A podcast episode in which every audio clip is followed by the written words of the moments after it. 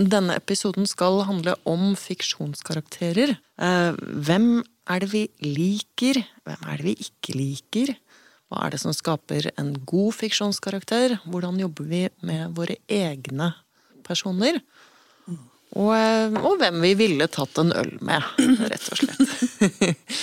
De av oss som drikker øl? Ja, drikker ikke du øl? Jo da.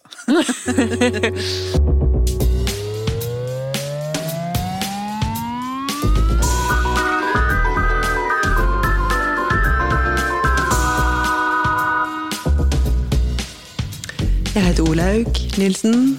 Jeg heter Marie Aubert. Vi er forfattere, og vi møtes for å snakke om bøker. Du har eh, nylig lest og anmeldt eh, Erlend Loes eh, siste bok, mm. 'Gjever og Junker'. Kan du fortelle litt om den? Ja, men kan jeg først fortelle hvordan det føltes å anmelde Erlend Lo? Ja, få høre. Um, eh, det derre eh, Altså, jeg føler meg jo selvfølgelig kompetent til å anmelde bøker, for jeg har jo eh, Altså, jeg skrev anmeldelser da jeg var ung, eh, og, og jeg har jo lest bøker i mange år, og jeg veit jo hva jeg syns er bra og dårlig, og så videre. Men eh, eh, like etter at jeg hadde lest boka, skrev anmeldelsen og sendt den inn til Bergens Tidende, så møtte jeg Erlend Lo på, på et arrangement på, eh, ja, på Litteraturhuset. Det var Annie her nå. Eh, og jeg må si at det var veldig påfallende hvordan vi holdt ganske avstand og ikke snakka med hverandre, for han visste tydeligvis Jeg skjønte jo at han visste at jeg skulle anmelde. Eh, og eh, vi satt jo eh, med kanskje fire-fem personer mellom oss på arrangementet, men det eneste som ble utveksla, var nikk og liksom sånn derre Ja, jeg ser deg. Anmelderen er jo en egen karakter i det litterære kretsløpet. Sant? Altså I virkeligheten ikke en fiksjonskarakter, da, men altså det er en Det er jo å gå inn i ei rolle som Det er jo ikke helt forenlig. Det er en vanskelig eh, kombinasjon. Eh, og, eh, og, og fordi at det er jo et det er jo litt konkurranseforhold. Vi konkurrerer jo oss imellom på en måte sant, med våre bøker. Eh, alle gjør jo det, men det er jo ikke det som skal liksom være lengst opp i dagen. Men, men likevel, da. Ja, men jeg likte boka til Erlend Lo, så. så det var jo bra. Så da trengte ikke det å bli noe vanskelig i det hele tatt. Eh, og ja, hva handler den om? Giæver og junker heter den. Um, det er ei bok der uh, gamle Giæver uh, har tilkalt sønnen sin.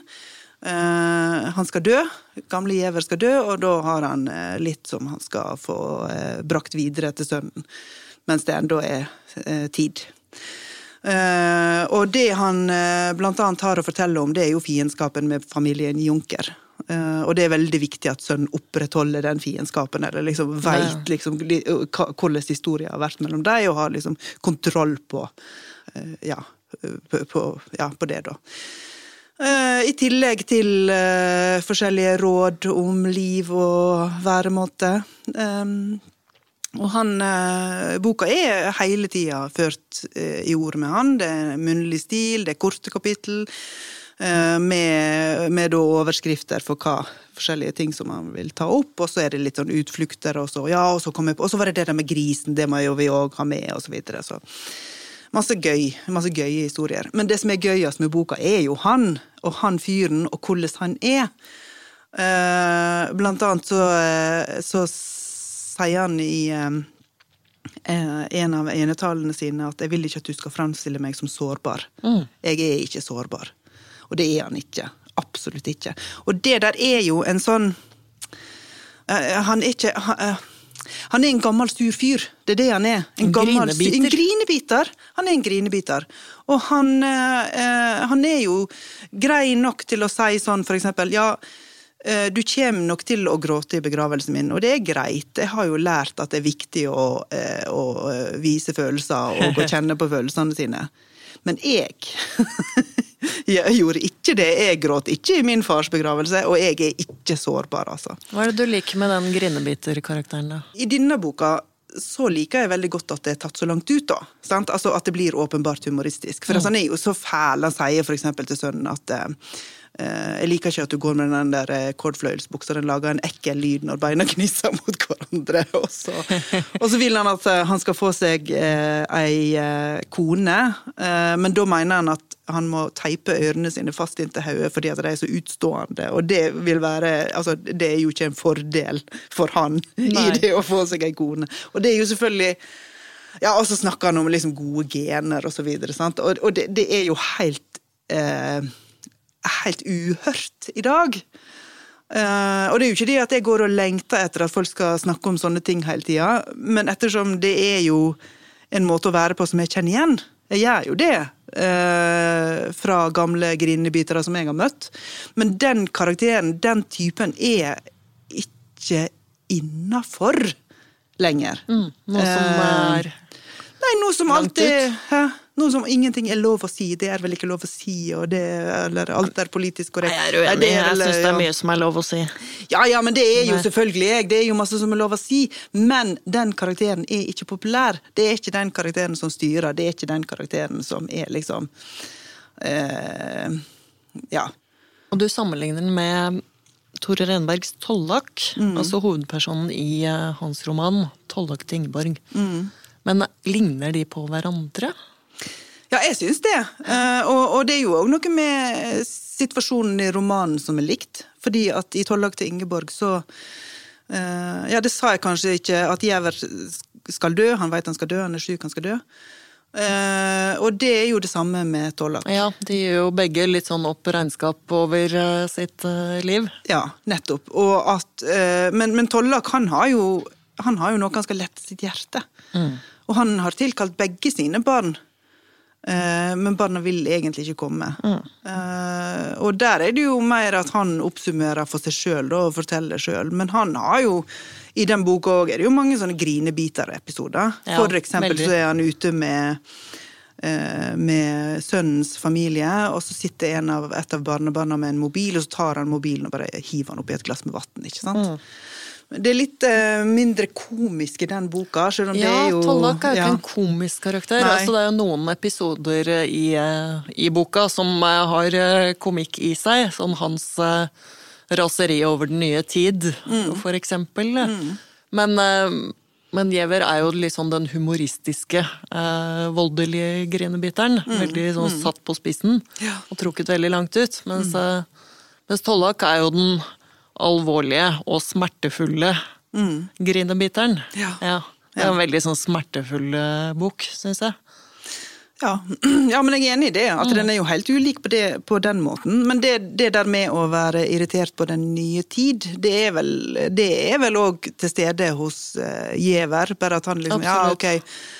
Aksepterer at det er sånn at vi skal eh, være opptatt av følelsene i dag, men bare så det er sagt, jeg er ikke det, altså. Men, men det har Tollak òg veldig masse om. Ja. Det er veldig mange der, mye i den boka som handler om eh, han og eh, dattera sitt forhold, og det å, og om å snakke om følelser. Det, det er flere sekvenser som, som handler om det. Jeg syns begge de karakterene har eh, sinne som en sånn drivkraft. Mm. At det er et litt sånn innestengt raseri som av og til får veldig kraftig utløp.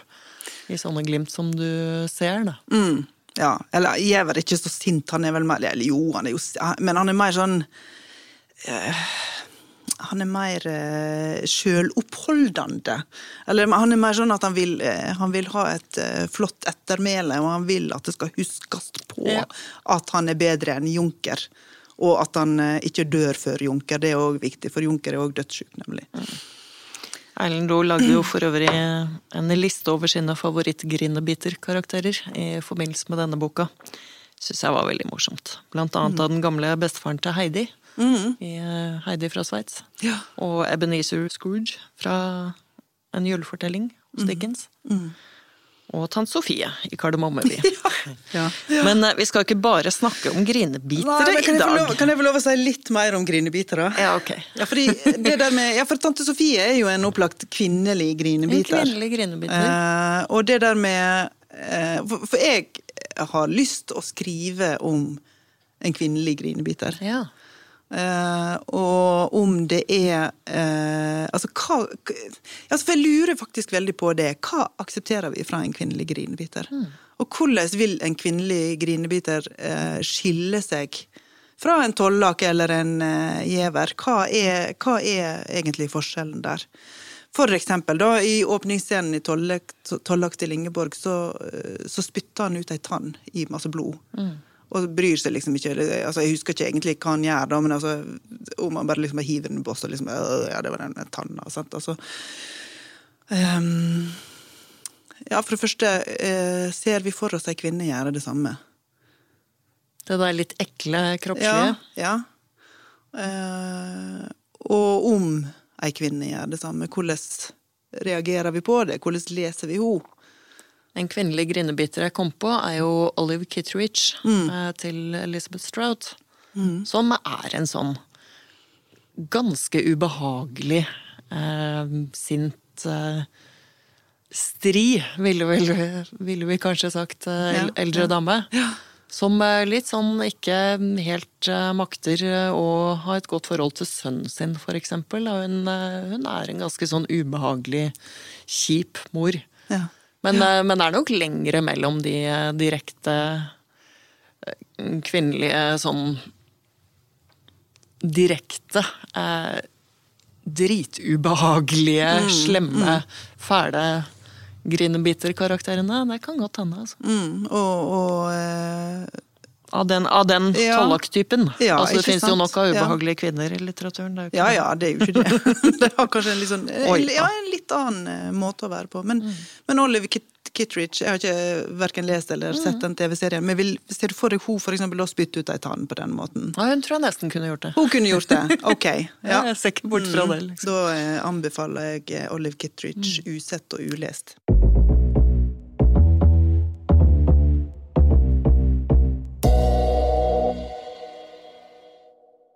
Hvilke forfattere syns vi har gode fiksjonskarakterer? Ja, spør du meg, så spør jeg deg, rett og slett. Det er et veldig stort spørsmål. Ja.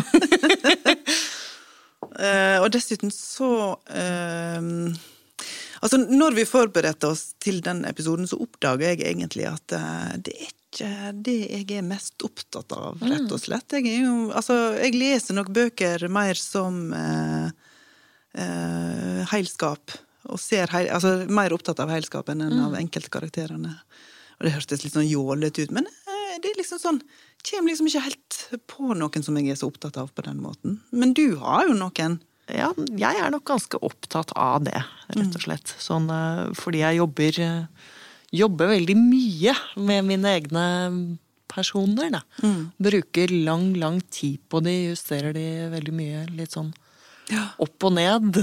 Eh, Så, så jeg er jo opptatt av eh, andre forfatteres eh, personer også, og merker meg ofte sånn der 'Å, det var et morsomt portrett', eller sånn ja. 'Det var en irriterende fyr', eller 'Den, det var en god tegning'. Men det handler jo det handler jo like mye om en fortellerstemme, eller um, en sånn uh, skildring som jeg kan være med i. Det er jo ikke at personen skal være så himla interessant. Det er at måten de er eh, bygd opp på og skildra på, er god. Jeg syns jo for eksempel Shakespeares eh, karakterer er litt sånn særstilling, syns jeg. Ja. For, eh, fordi de er så sammensatte. Det er så mange viljer på en gang. Og det, det syns jeg alltid, alltid er interessant. Um, når du får se mennesker som både er litt storslagne og litt stakkarslige, og vil ulike ting, dras i mange ulike retninger, ikke tror helt på seg selv på den og den måten, tror altfor mye på den egenskapen hos seg selv.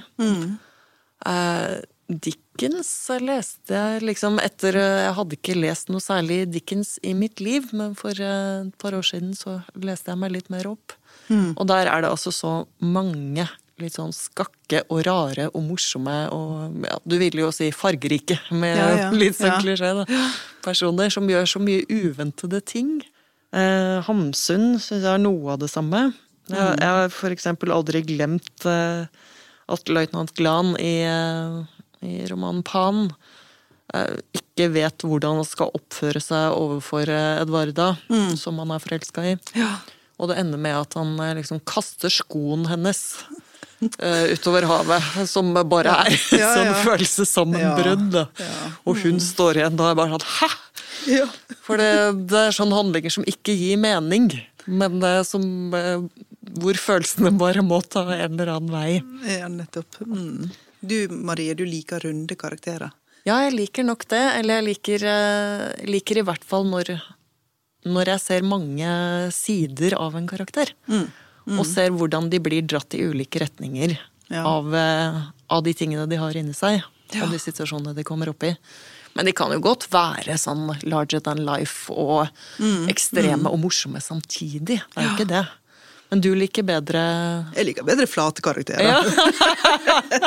Nei da. Altså, jeg òg liker jo selvfølgelig det at eh, gode karakterer, runde karakterer, og det er jo liksom Det Hva, blir jo hva regna tenker du på med runde karakterer?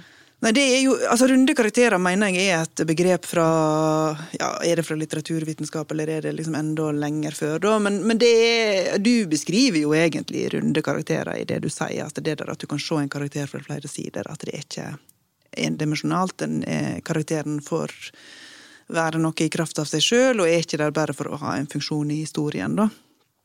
Er ikke en pappfigur. En flat karakter er jo en pappfigur. Eh, som eh, både eh, kanskje bare har en eller et par egenskaper å spille på, eller er der for å oppfylle en funksjon i historien. Ja. Og det er jo ikke sånn at jeg liksom, nei, jeg, det liker jeg best. Jeg liker best å lese tegneserier, mens du liker best å se Shakespeare framført på scenen. Ja, Sånn er det. Eh, Sånn er det. men, eh, men det jeg tror er at eh, jeg syns ikke det gjør noe at karakterene er At noen av karakterene i alle fall er flate i romanene. det gjør det jo ikke. Og at eh, det der at når eh, ei en roman skal fortelle noe, eller en historie eller en TV-serie for den saks skyld. Altså når du ja, At det, det er det samla inntrykket som betyr mest for meg. Det er ikke liksom karakterene i seg sjøl som betyr mest for meg. Men, men altså, jeg kan jo godt irritere meg over karakterer. Det kan jeg godt. Og det kan jo du òg. Du har jo noen, som du virkelig, noen karakterer som du virkelig misliker. Kan du eh, komme med noen eh, hatobjekt fra litteraturen? Jeg misliker jo eh, for eksempel da både Heathcliff og Catherine i Wuthering Heights. Som er et av liksom de store kjærlighetsparene. Ja. Eh, Millie Brontes, Wuthering Heights. Men de skal jo liksom være sånn innbegrepet på vill og Ja. hemningsløs og heftig eh, romantikk og lidenskap som eh, trosser alle stengsler eh, og sosial og klasse og eh, ekteskap og eh, til og med døden, da. Ja, ja, ja. Men, men jeg syns jo de er jævla slitsomme folk. Men- rett og slett. Men Heathcliff er jo faktisk litt sånn som eh, Han er jo inn, innbegrepet på grinebiter, på en måte. da. Ja, det også, men, Men det det er jo også- ingen humor der, for det første. Det er Nei, ingen men- humor i de skildringene. Det er liksom bare at man skal heie på denne ville, gærne lidenskapen mens de tråkker ned alle rundt seg. Og... Ja, men, men det, det jeg skulle si var at jeg tror faktisk at han i særlig i begynnelsen av boka, er jo han litt, eller i begynnelsen av forelskelsen, så er jo han nesten litt sånn som Glan.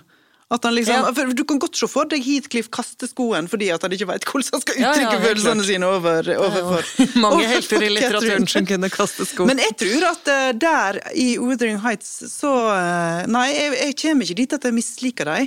Eh, jeg tror mer at jeg syns jo at Heathcliff fortjener å ta over det godset, og at jeg syns synd på han for at han mista den store kjærligheten. At han liksom aldri fikk det skikkelig bra i det der triste livet sitt. Det er jo det, og det er jo en fortelling jeg blir engasjert i. Ja. Men jeg irriterer meg samtidig, fordi jeg syns de er så innbitte og så Ja. gravalvorlige Ja, gjennom hele for, fortellingen. da. Jeg syns det er en så veldig statisk Eh, skildring. Og så um, til sammenligning så er jo Jane Eyre Ja. uh, Den syns jeg er sånn dynamisk og morsommere på en eller annen måte. Mm. Eller uh, Det er ikke så at det er en morsom fortelling, Men, eh, men det skifter veldig mye i dynamikken mellom henne og Mr. Worchester.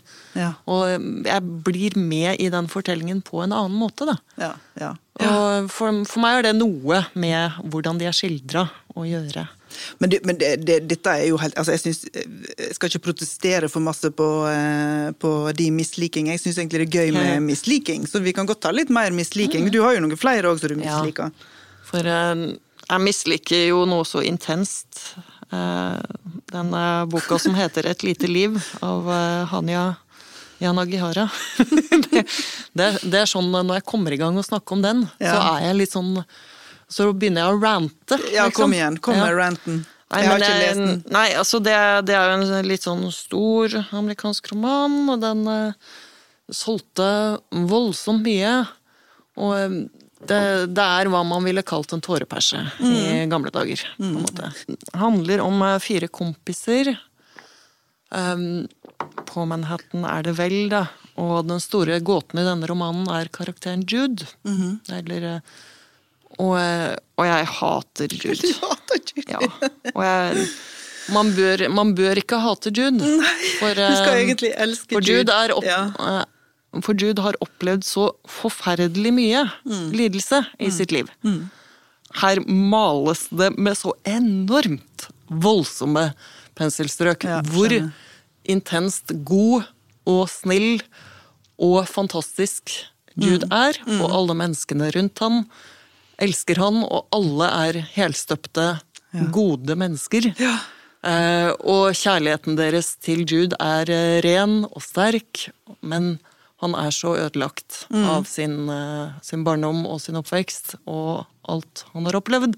Så det kan jo ikke gå likevel. Det er liksom Nei, en sånn eh, grunnleggende liksom tragedie i bånn Ja, ja. som jeg ikke klarer å hekte meg på.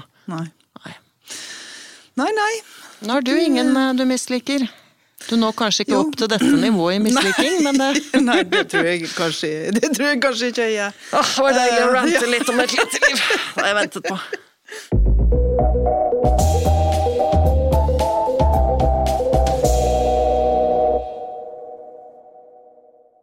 Altså, Jeg har lest flere nye bøker, eh, og i Trude Marsteins egne barn eh, så er det en av hovedkarakterene som jeg virkelig misliker. Og det er kanskje ikke helt uvanlig å mislike Trude Marstein sine karakterer. Eh, og det går faktisk igjen i eh, anmeldelsene hennes, i hvert fall eh, av den forrige boka, så var det jo flere som liksom hata karakterene så hardt at de bare Altså at de anmeldte karakterene da, istedenfor å anmelde boka. Eh, og litt det samme med egne barn. Jeg har sett det i anmeldelsene at uh, den her karakteren som jeg snart skal røpe hvem er, uh, at den får jo kjeft i anmeldelsene. For eksempel så står det om Ivar, da. At han er en egoistisk uh, forfatter som ikke klarer å ta seg av sine egne barn.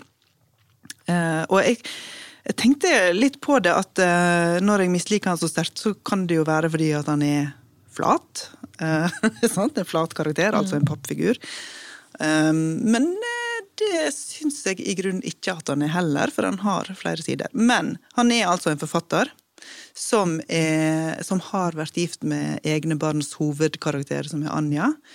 Eh, De er nå skilt, men de skal tilbringe ei helg sammen med begges Altså med, med nye kjærester og barn osv. Men, men boka forteller jo òg om deres forhold og deres lange historie sammen.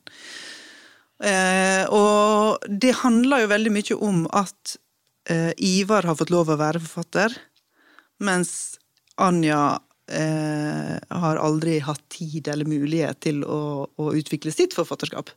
Så hun er, jobber isteden i forlag. Mens eh, Ivar han eh, er hele tida opptatt av romanene han skriver, og skrivetida han skal ha. Eh, og eh, han, han lar ikke noe forstyrre det, fordi at skrivetida er hellig for han. Og så er han veldig opptatt av seg sjøl, sine egne følelser, og, eh, og, og det der å være en forfatter. Å være et skrivende menneske. Og når han da får kritikk fra eh, Anja for, at, for å ikke for eksempel ta på seg oppdrag for å tjene penger, for det er jo hun som tjener pengene, Ja. typisk eh, forhold i forfatterøkonomien. Um, så nei, nei, nei, nei, han, nei, han skal skrive. Det er liksom det som går foran alt. Og den karakteren Altså, og, og, og, dette Det er jo en type som eh, jeg har lest om før òg. Altså, den karakteren Åh, nei, jeg blir Altså jeg en sånn så- selvopptatt forfattertype? Ja, blir Hva er det så- du misliker sånn med det? Nei, for jeg, jeg, jeg går ikke med på det. Jeg går ikke med på at kunst skal overtrumfe alt, eller at liksom viljen til å skape kunst skal være viktigere enn ja, å ta seg av barna sine. Og jeg vil jo ikke si at det er så ille at han, eh, han låser dem ikke inne for å få tid til å skrive sjøl, altså så ille er det ikke. Men at han krever skrivetid, er i hvert fall helt eh, essensielt i den romanen. Og eh, Nei, jeg, jeg mener bare rett og slett at andre for, altså i, i livet og i virkeligheten så er det andre ting som er viktigere enn det å skape litteratur, og derfor så blir jeg så irritert over den egoismen, og at han liksom lar den egoismen være så Uh, Han lar seg sjøl være så egoistisk. Men misliker du det fordi det er et dilemma du kjenner litt igjen fra livet også? Ja ja, uh, det handler jo om det, selvfølgelig. At, uh, at jeg i mitt eget liv ikke lar skrivinga overtrumfe alt annet. Eh, Men det handler jo òg om at jeg misliker en sånn eh, romantisk holdning til, eh, til, til det å skrive. Mm. Jeg, jeg syns ikke at det er greit, rett og slett. Ja. Så ja. Mm. Men han er jo irriterende. Han er òg liksom sjølhøytidelig og pompøs og ja. Men det går jo veldig fint an å mislike personer uten å mislike boka. Altså i et lite liv Mm. Ja, ja. så misliker jeg boka, på en Ja, måte. ja, ja, ja, nettopp, det, det er jo Jeg misliker jo den karakteren fordi boka er som den er. Mm. Men eh, det, det er jo svært ofte at man eh, kan sitte og hate en eller annen person man leser om, men likevel ja. elske å lese det. Og det er jo en helt annen greie. Ja, sånn er det jo selvfølgelig med egne barn. av Mm. Trude Marstein. Ja, ja. Jeg har, eh, jeg har ikke lest den ennå, men eh, noen jeg kjenner leser den nå og skrev at jeg hater hver eneste person som er på dette torpet i Sverige, Ja. men jeg elsker boka, liksom. Ikke sant? Ja, for det er noen ganger med det at det er jo flere der som er ganske usympatiske. Mm. Men eh, hva tenker du skaper en god fiksjonskarakter? Det er vel mest en sånn stemme jeg får lov å tro på. Og, ehm, og det tenker jeg ikke har noe å gjøre med om de eh, er eh, hele Runde eller flate? Ja, ikke, Ja. Det har ikke så mye å gjøre med om de er runde eller flate. Har mange egenskaper eller få egenskaper, men bare en litt sånn fortellerstemme som overbeviser meg. Og som litt sånn tar meg som gissel, nesten Ja. som leser det. Og insisterer på at dette er virkeligheten, sånn som den ser ut fra dette stedet. Og når, eh, når jeg merker at det blir gjort, så, eh, så kan jeg jo være med på hva som helst, liksom. Ja, så det betyr at de kan jo òg f.eks. være bare gode. Ja, det Ja. vil jeg jo si. Ja. Det går helt fint an å eh, elske en uh, historie om en som bare er en helt. Hvis, det er, uh, hvis det er gjort uh, på en måte du blir med på, da. Ja. Det er å få deg til å bli med på det. Ja. Jeg, jeg aksepterer at mange forfattere jobber mye med karakterene sine, og er veldig opptatt av at det skal være troverdige psykologiske portrett, for eksempel. Eh, og eh, at de skal ha flere sider, videre. Men, men det er jo ikke, det er ikke nødvendig. Kan spare seg masse bry og arbeid ved å lage litt flatere karakterer. La dette gå ut som en merkenad til alle lyttere. Ja, og en, program, eh, en programforpliktelse for mitt videre forfatterskap. Og det er jo litt sånn den moderne måten å lage personer på, er jo den der la dem ha masse indre motsetninger, eh, Mm. Ja, ja. dras i ulike retninger, mens eh, det er jo jeg er også veldig glad i svære klassiske fortellinger, som mm. De elendige, for eksempel, Mm. Ja. til Victor Hugo. Ja. Hvor det, det er jo fullstendig klart hele tida at du heier på Jean Valjean. Altså den eh, rømte straffangen som eh, drar seg selv opp av eh, forbryterlivets gjørme og skaper seg selv på nytt, på en måte, da. Men, eh, men han er en ganske sånn helt ren og tydelig helt. Men det er ingenting som er tristere enn eh, at Jean Valjean dør på slutten. Nei, nei, det, er sånn, det er jo forferdelig, for han, eh, han er liksom han er veldig god, og Mm. så har du også sett liksom hans omvendelse, da. Og Ja. forsøket på å eh, bli en bedre mann, Mm. og bli en god mann. Ja. Og så har han klart det. Blitt en god far. eh, Eller fosterfar for eh, lille Cosette. Men den så stadig blir innhentet av fortiden. Ja. I form av den da svært firkantede politisjefen Javert, som Mm. gjør det til sin livsoppgave å jage han og sette fast han. Ville du ha tatt en øl med noen av de to? Nei, det er jeg usikker på, gitt. Hvor moro det hadde vært. Men hvem ville du tatt en øl med av eh, personer du kan komme på? Ja, eh, jeg ville jo da eh, sannsynligvis ikke tatt en øl, men tatt et glass saft eller en kopp kaffe eller noe sånt. da. Har du Eh, slutta å drikke? eller? Nei da.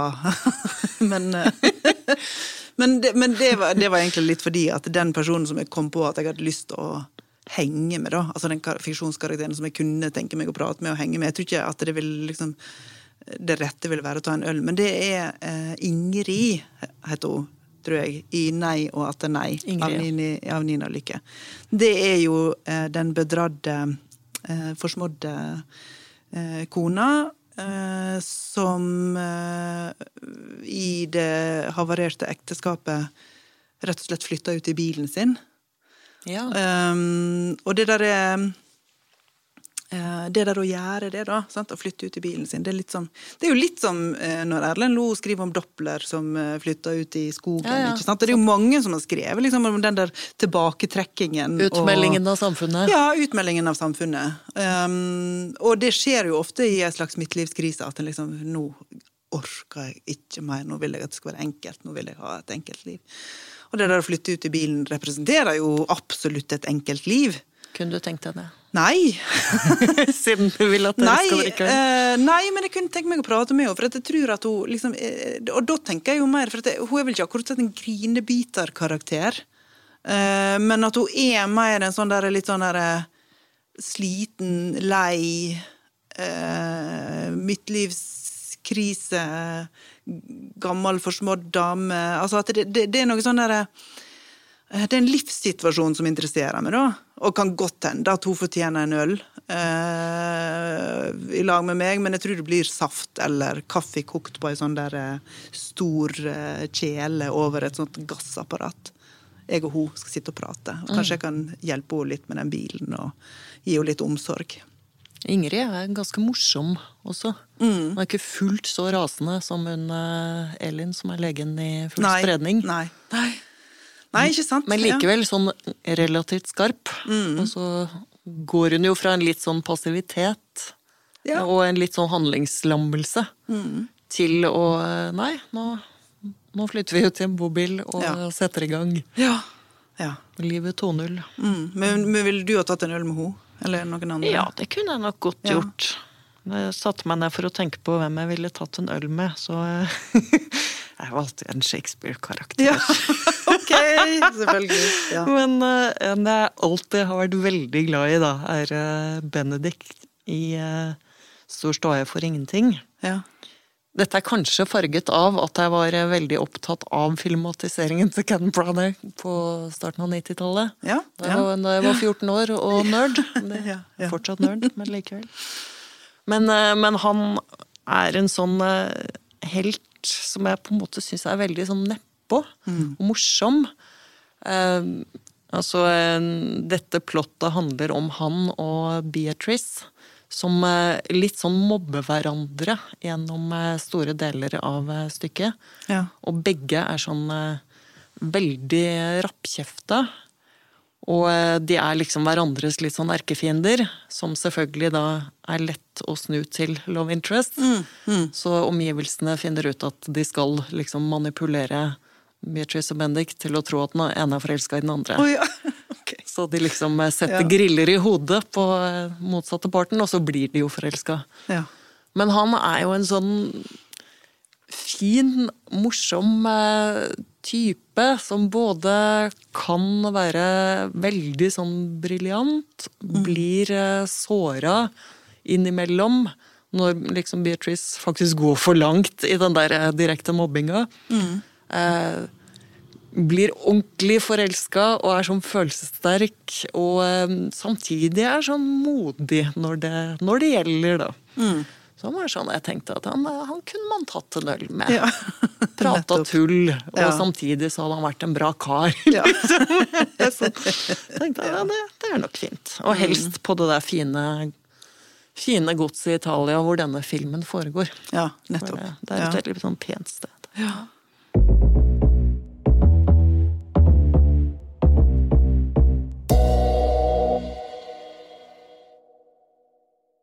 Men uh, våre egne personer, da. Altså Mm. de vi skriver om. Ja. Hvordan er det vi jobber med dem? Altså du, du er jo i en litt spesiell situasjon der, fordi du har jo en Olaug i Mm. Ja. Ja. Som er det deg? Eh, ja. Altså, ja, altså Det gidder jeg ikke å kokettere Nei, nei, det rundt i det hele tatt. trenger du ikke. uh, ja, det er det.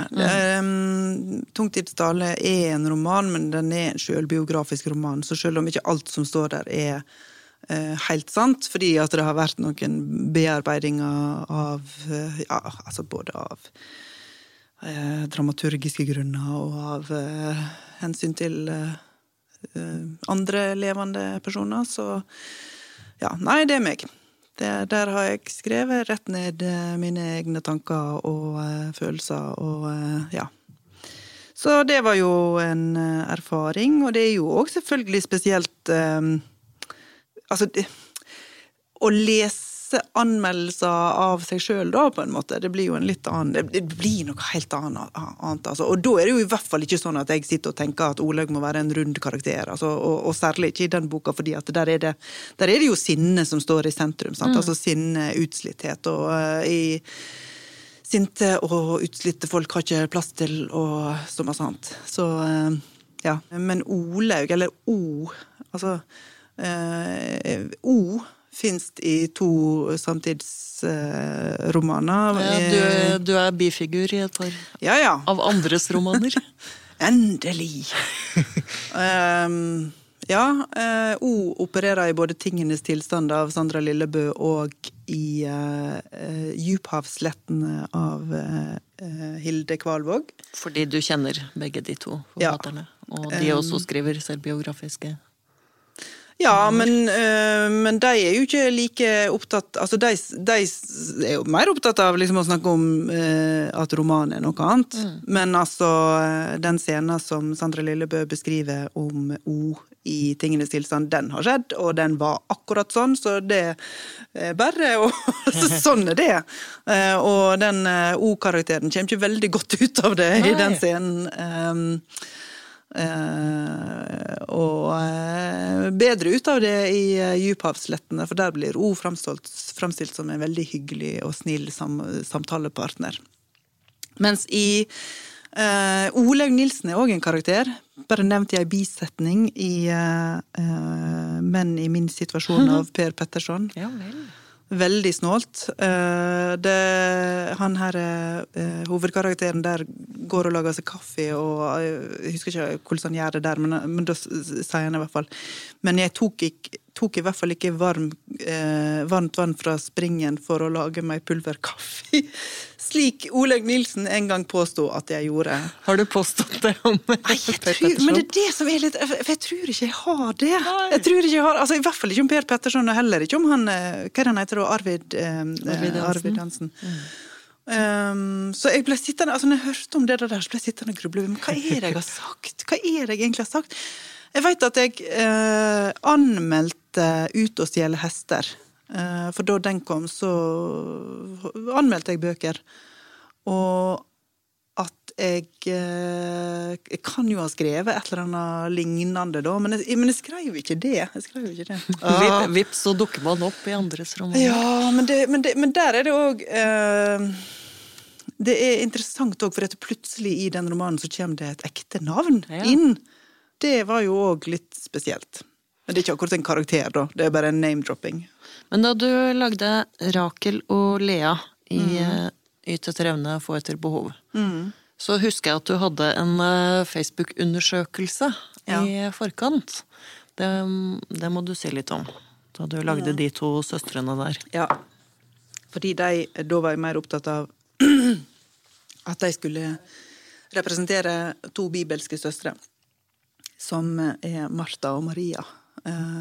Eh, Martha og Maria skal, De er da Den uh, geskjeftige søstera Ja. og den late søstera. ja, ja, for å sette det på spissen. Og Jesus sider med den late søstera, Ja, for hun sitter og hører på han. Ja. Og det var jo det jeg ville skrive om. Sant? Altså, eh, at noen må gjøre oppgavene, eh, og, mens andre kan hengi seg til kunsten. da. um, og da spurte jeg på Facebook hvem er du, Martha eller Maria? Og så hadde jeg en sånn avstemming.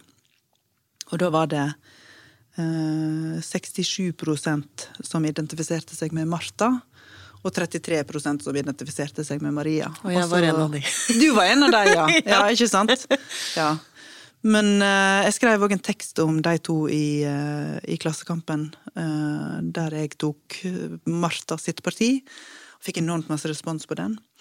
Og da eh, var jo den, der, liksom, den, den tanken veldig sådd og født at jeg kan skrive om denne situasjonen. Sant? Altså denne motsetningen. Motsetningen mellom den som gjør, og den som For, som får. eller, ja, ja, eller altså Dette kan en se på flere måter.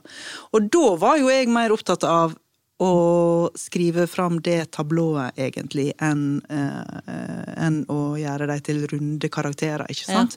Og det der eh, Altså, jeg syns jo at de har flere sider i romanen, altså Rakel og Lea, som da Der Rakel representerer Martha, og Lea representerer Maria. De har flere sider, Ja, det syns jeg absolutt. Men, er, men hovedpoenget mitt var likevel, og utgangspunktet mitt, og det jeg var interessert i, og det jeg ville, det var å eh, skrive om Martha og Maria.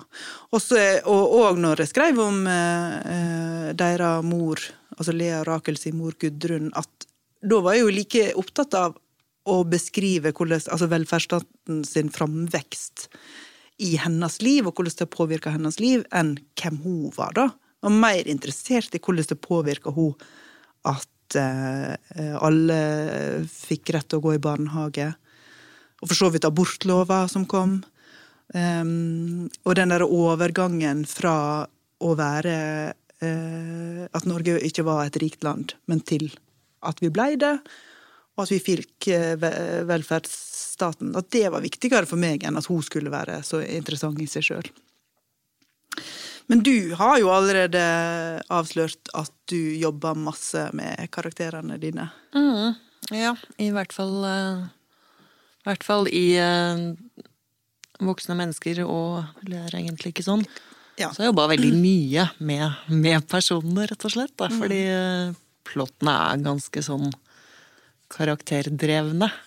Altså de eh, bestemmes litt av eh, hvilke valg en person tar, eller hvordan de velger å oppføre seg, eller hvordan en eh, relasjon Ja. eh, utvikler seg. Så det er jo veldig mye sånn hvordan beveger folk seg i forhold til hverandre. Ja. Som jeg har lagd eh, handling ut fra, da. Og Ja. da, da er det liksom viktig at at de sitter, Ja. på en måte. At jeg kjenner dem godt. At jeg skjønner hvor de vil hen. Og skjønner hva som lager trøbbel for dem også. Men, men hvordan jobber du med dem da, sånn helt eh, konkret? Er det Altså, Ida i eh, Voksne mennesker, hun er jo en sånn eh, hovedperson som veldig splitter eh, egentlig både lesere og anmeldere. Ja. Og hun tror jeg jo er en sånn person som er Sånn som vi snakka om, at du kan hate en eh, karakter ganske intenst. Men forhåpentligvis forhåpentligvis fortsatt eh, like historien. Jeg kunne tatt en øl med Ida i Ja, Voksne kunne jeg mennesker. òg. Ja, ja, glatt. Men um, Nei, hun fikk mye av meg sjøl, egentlig, der. Det gjorde hun. Men, eh, men skrudde opp veldig, veldig, veldig mange hakk. Og over eh, i det litt sånn uakseptable og ugreie, da. Um, men hun er jo en sånn Når folk, når folk liker uh, Ida, så identifiserer de seg også veldig sterkt med henne, på en måte. Um, jeg vet ikke engang om man skal si liker. For eh, det folk ofte sier, er jo at jeg kjente meg igjen på en ubehagelig måte. Ja, altså man, ja. man kjenner igjen litt sånn ubehagelige sider Ja. av seg sjøl. Og de som eh, ikke liker henne, de, de syns liksom at hun er jo slem mot søstera si, mot familien sin. Hun prøver seg på svogeren sin mens han er eh, ordentlig full, og litt sånn eh, undergraver eh, forholdet til dem som står henne nærmest. Da. Um, men eh, henne jobba jeg ganske mye med å få litt sånn den rette balansen mellom eh, ja, at hun, Mellom- eh, at hun skulle liksom eh, være ganske, ganske stygg. Ja, eh. Og litt sånn jeg, jeg ville at hun skulle gå til det der stedet hvor du tenker 'ikke gjør det, ikke gjør det', ikke gjør det! ja, ja, på en måte. ja. Og gjøre det. Ja, nettopp. Ja. Men at du samtidig ikke skulle miste liksom Nei, du ville ikke at hun Miste henne av syne, på en måte. Nei, du- altså, ja.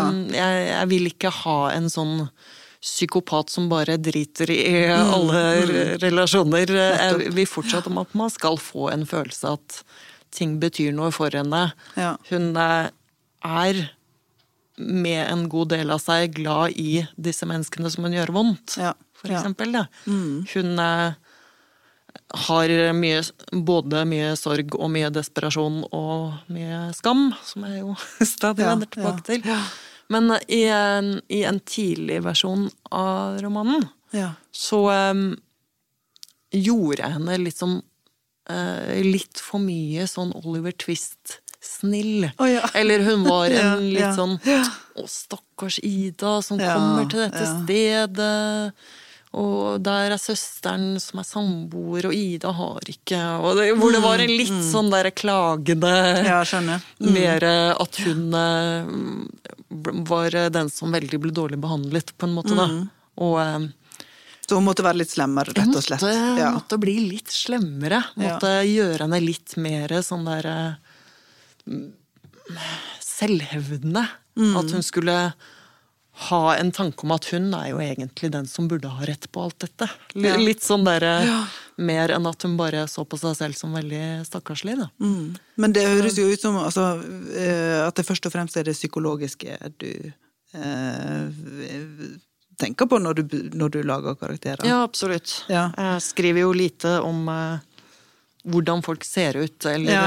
mm. veldig lite om eh, ytre ting ofte, da. Det er lite om hva de jobber med, eller eh, Kan jeg vel lov å stille et spørsmål om den nye romanen din, som jeg har lest? Ja. Ja.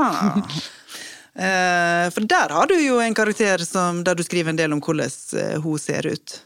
Ja. Vil du si litt om det? ja Um, hun Det er Hanne Mm. som har uh, gått ned veldig mye vekt. Mm. Og nå er det litt sånn at folk kjenner henne ikke helt igjen. Em, men det handler jo like mye om hvordan hun blir sett på. Mm. Og hvordan hun tar det blikket inn i seg selv. Ja, ikke sant? Og mm. hva det gjør med henne når det blikket skifter, rett og slett. Da. Mm. Så i eh, hele den eh, boka så handler eh, handler det om hvordan mm, karakterene reagerer på et blikk utenfra Ja. på ulike måter. Mm. Og hva slags selvbilde de har gått rundt med. Mm. Og hva som skjer med dem når det der eh, utenfra-blikket blir annerledes. Ja. Når eh, folk plutselig ser på dem på en snillere måte. Noe som i hans eh, tilfelle. Mm. Ja. Han har blitt møtt med veldig mye mikroaggresjon og litt sånn neglisjering. fordi hun var Ja, fordi hun var tjukk. Ja. Mm. Og em, i eh, Bårds tilfelle, som er da hennes bror, Mm. så handler det mer om hans eh, selvbilde som er litt sånn eh, Snill og sterk og klippe ja. i folks Ja. liv, da. Ja. Alltid være en bedre mann enn sin far, på en Ja, måte. ikke sant? Og så, eh, Han var livets bakkemannskap. ja, familiens Står det. bakkemannskap. Familiens bakkemannskap. Ja. Og hvordan hans selvbilde liksom skifter veldig markant av at han selv er utro, da. Sånn som faren hans alltid har vært. Og Mm. Nettopp. Bård skulle i hvert fall ikke bli en sånn. Nei.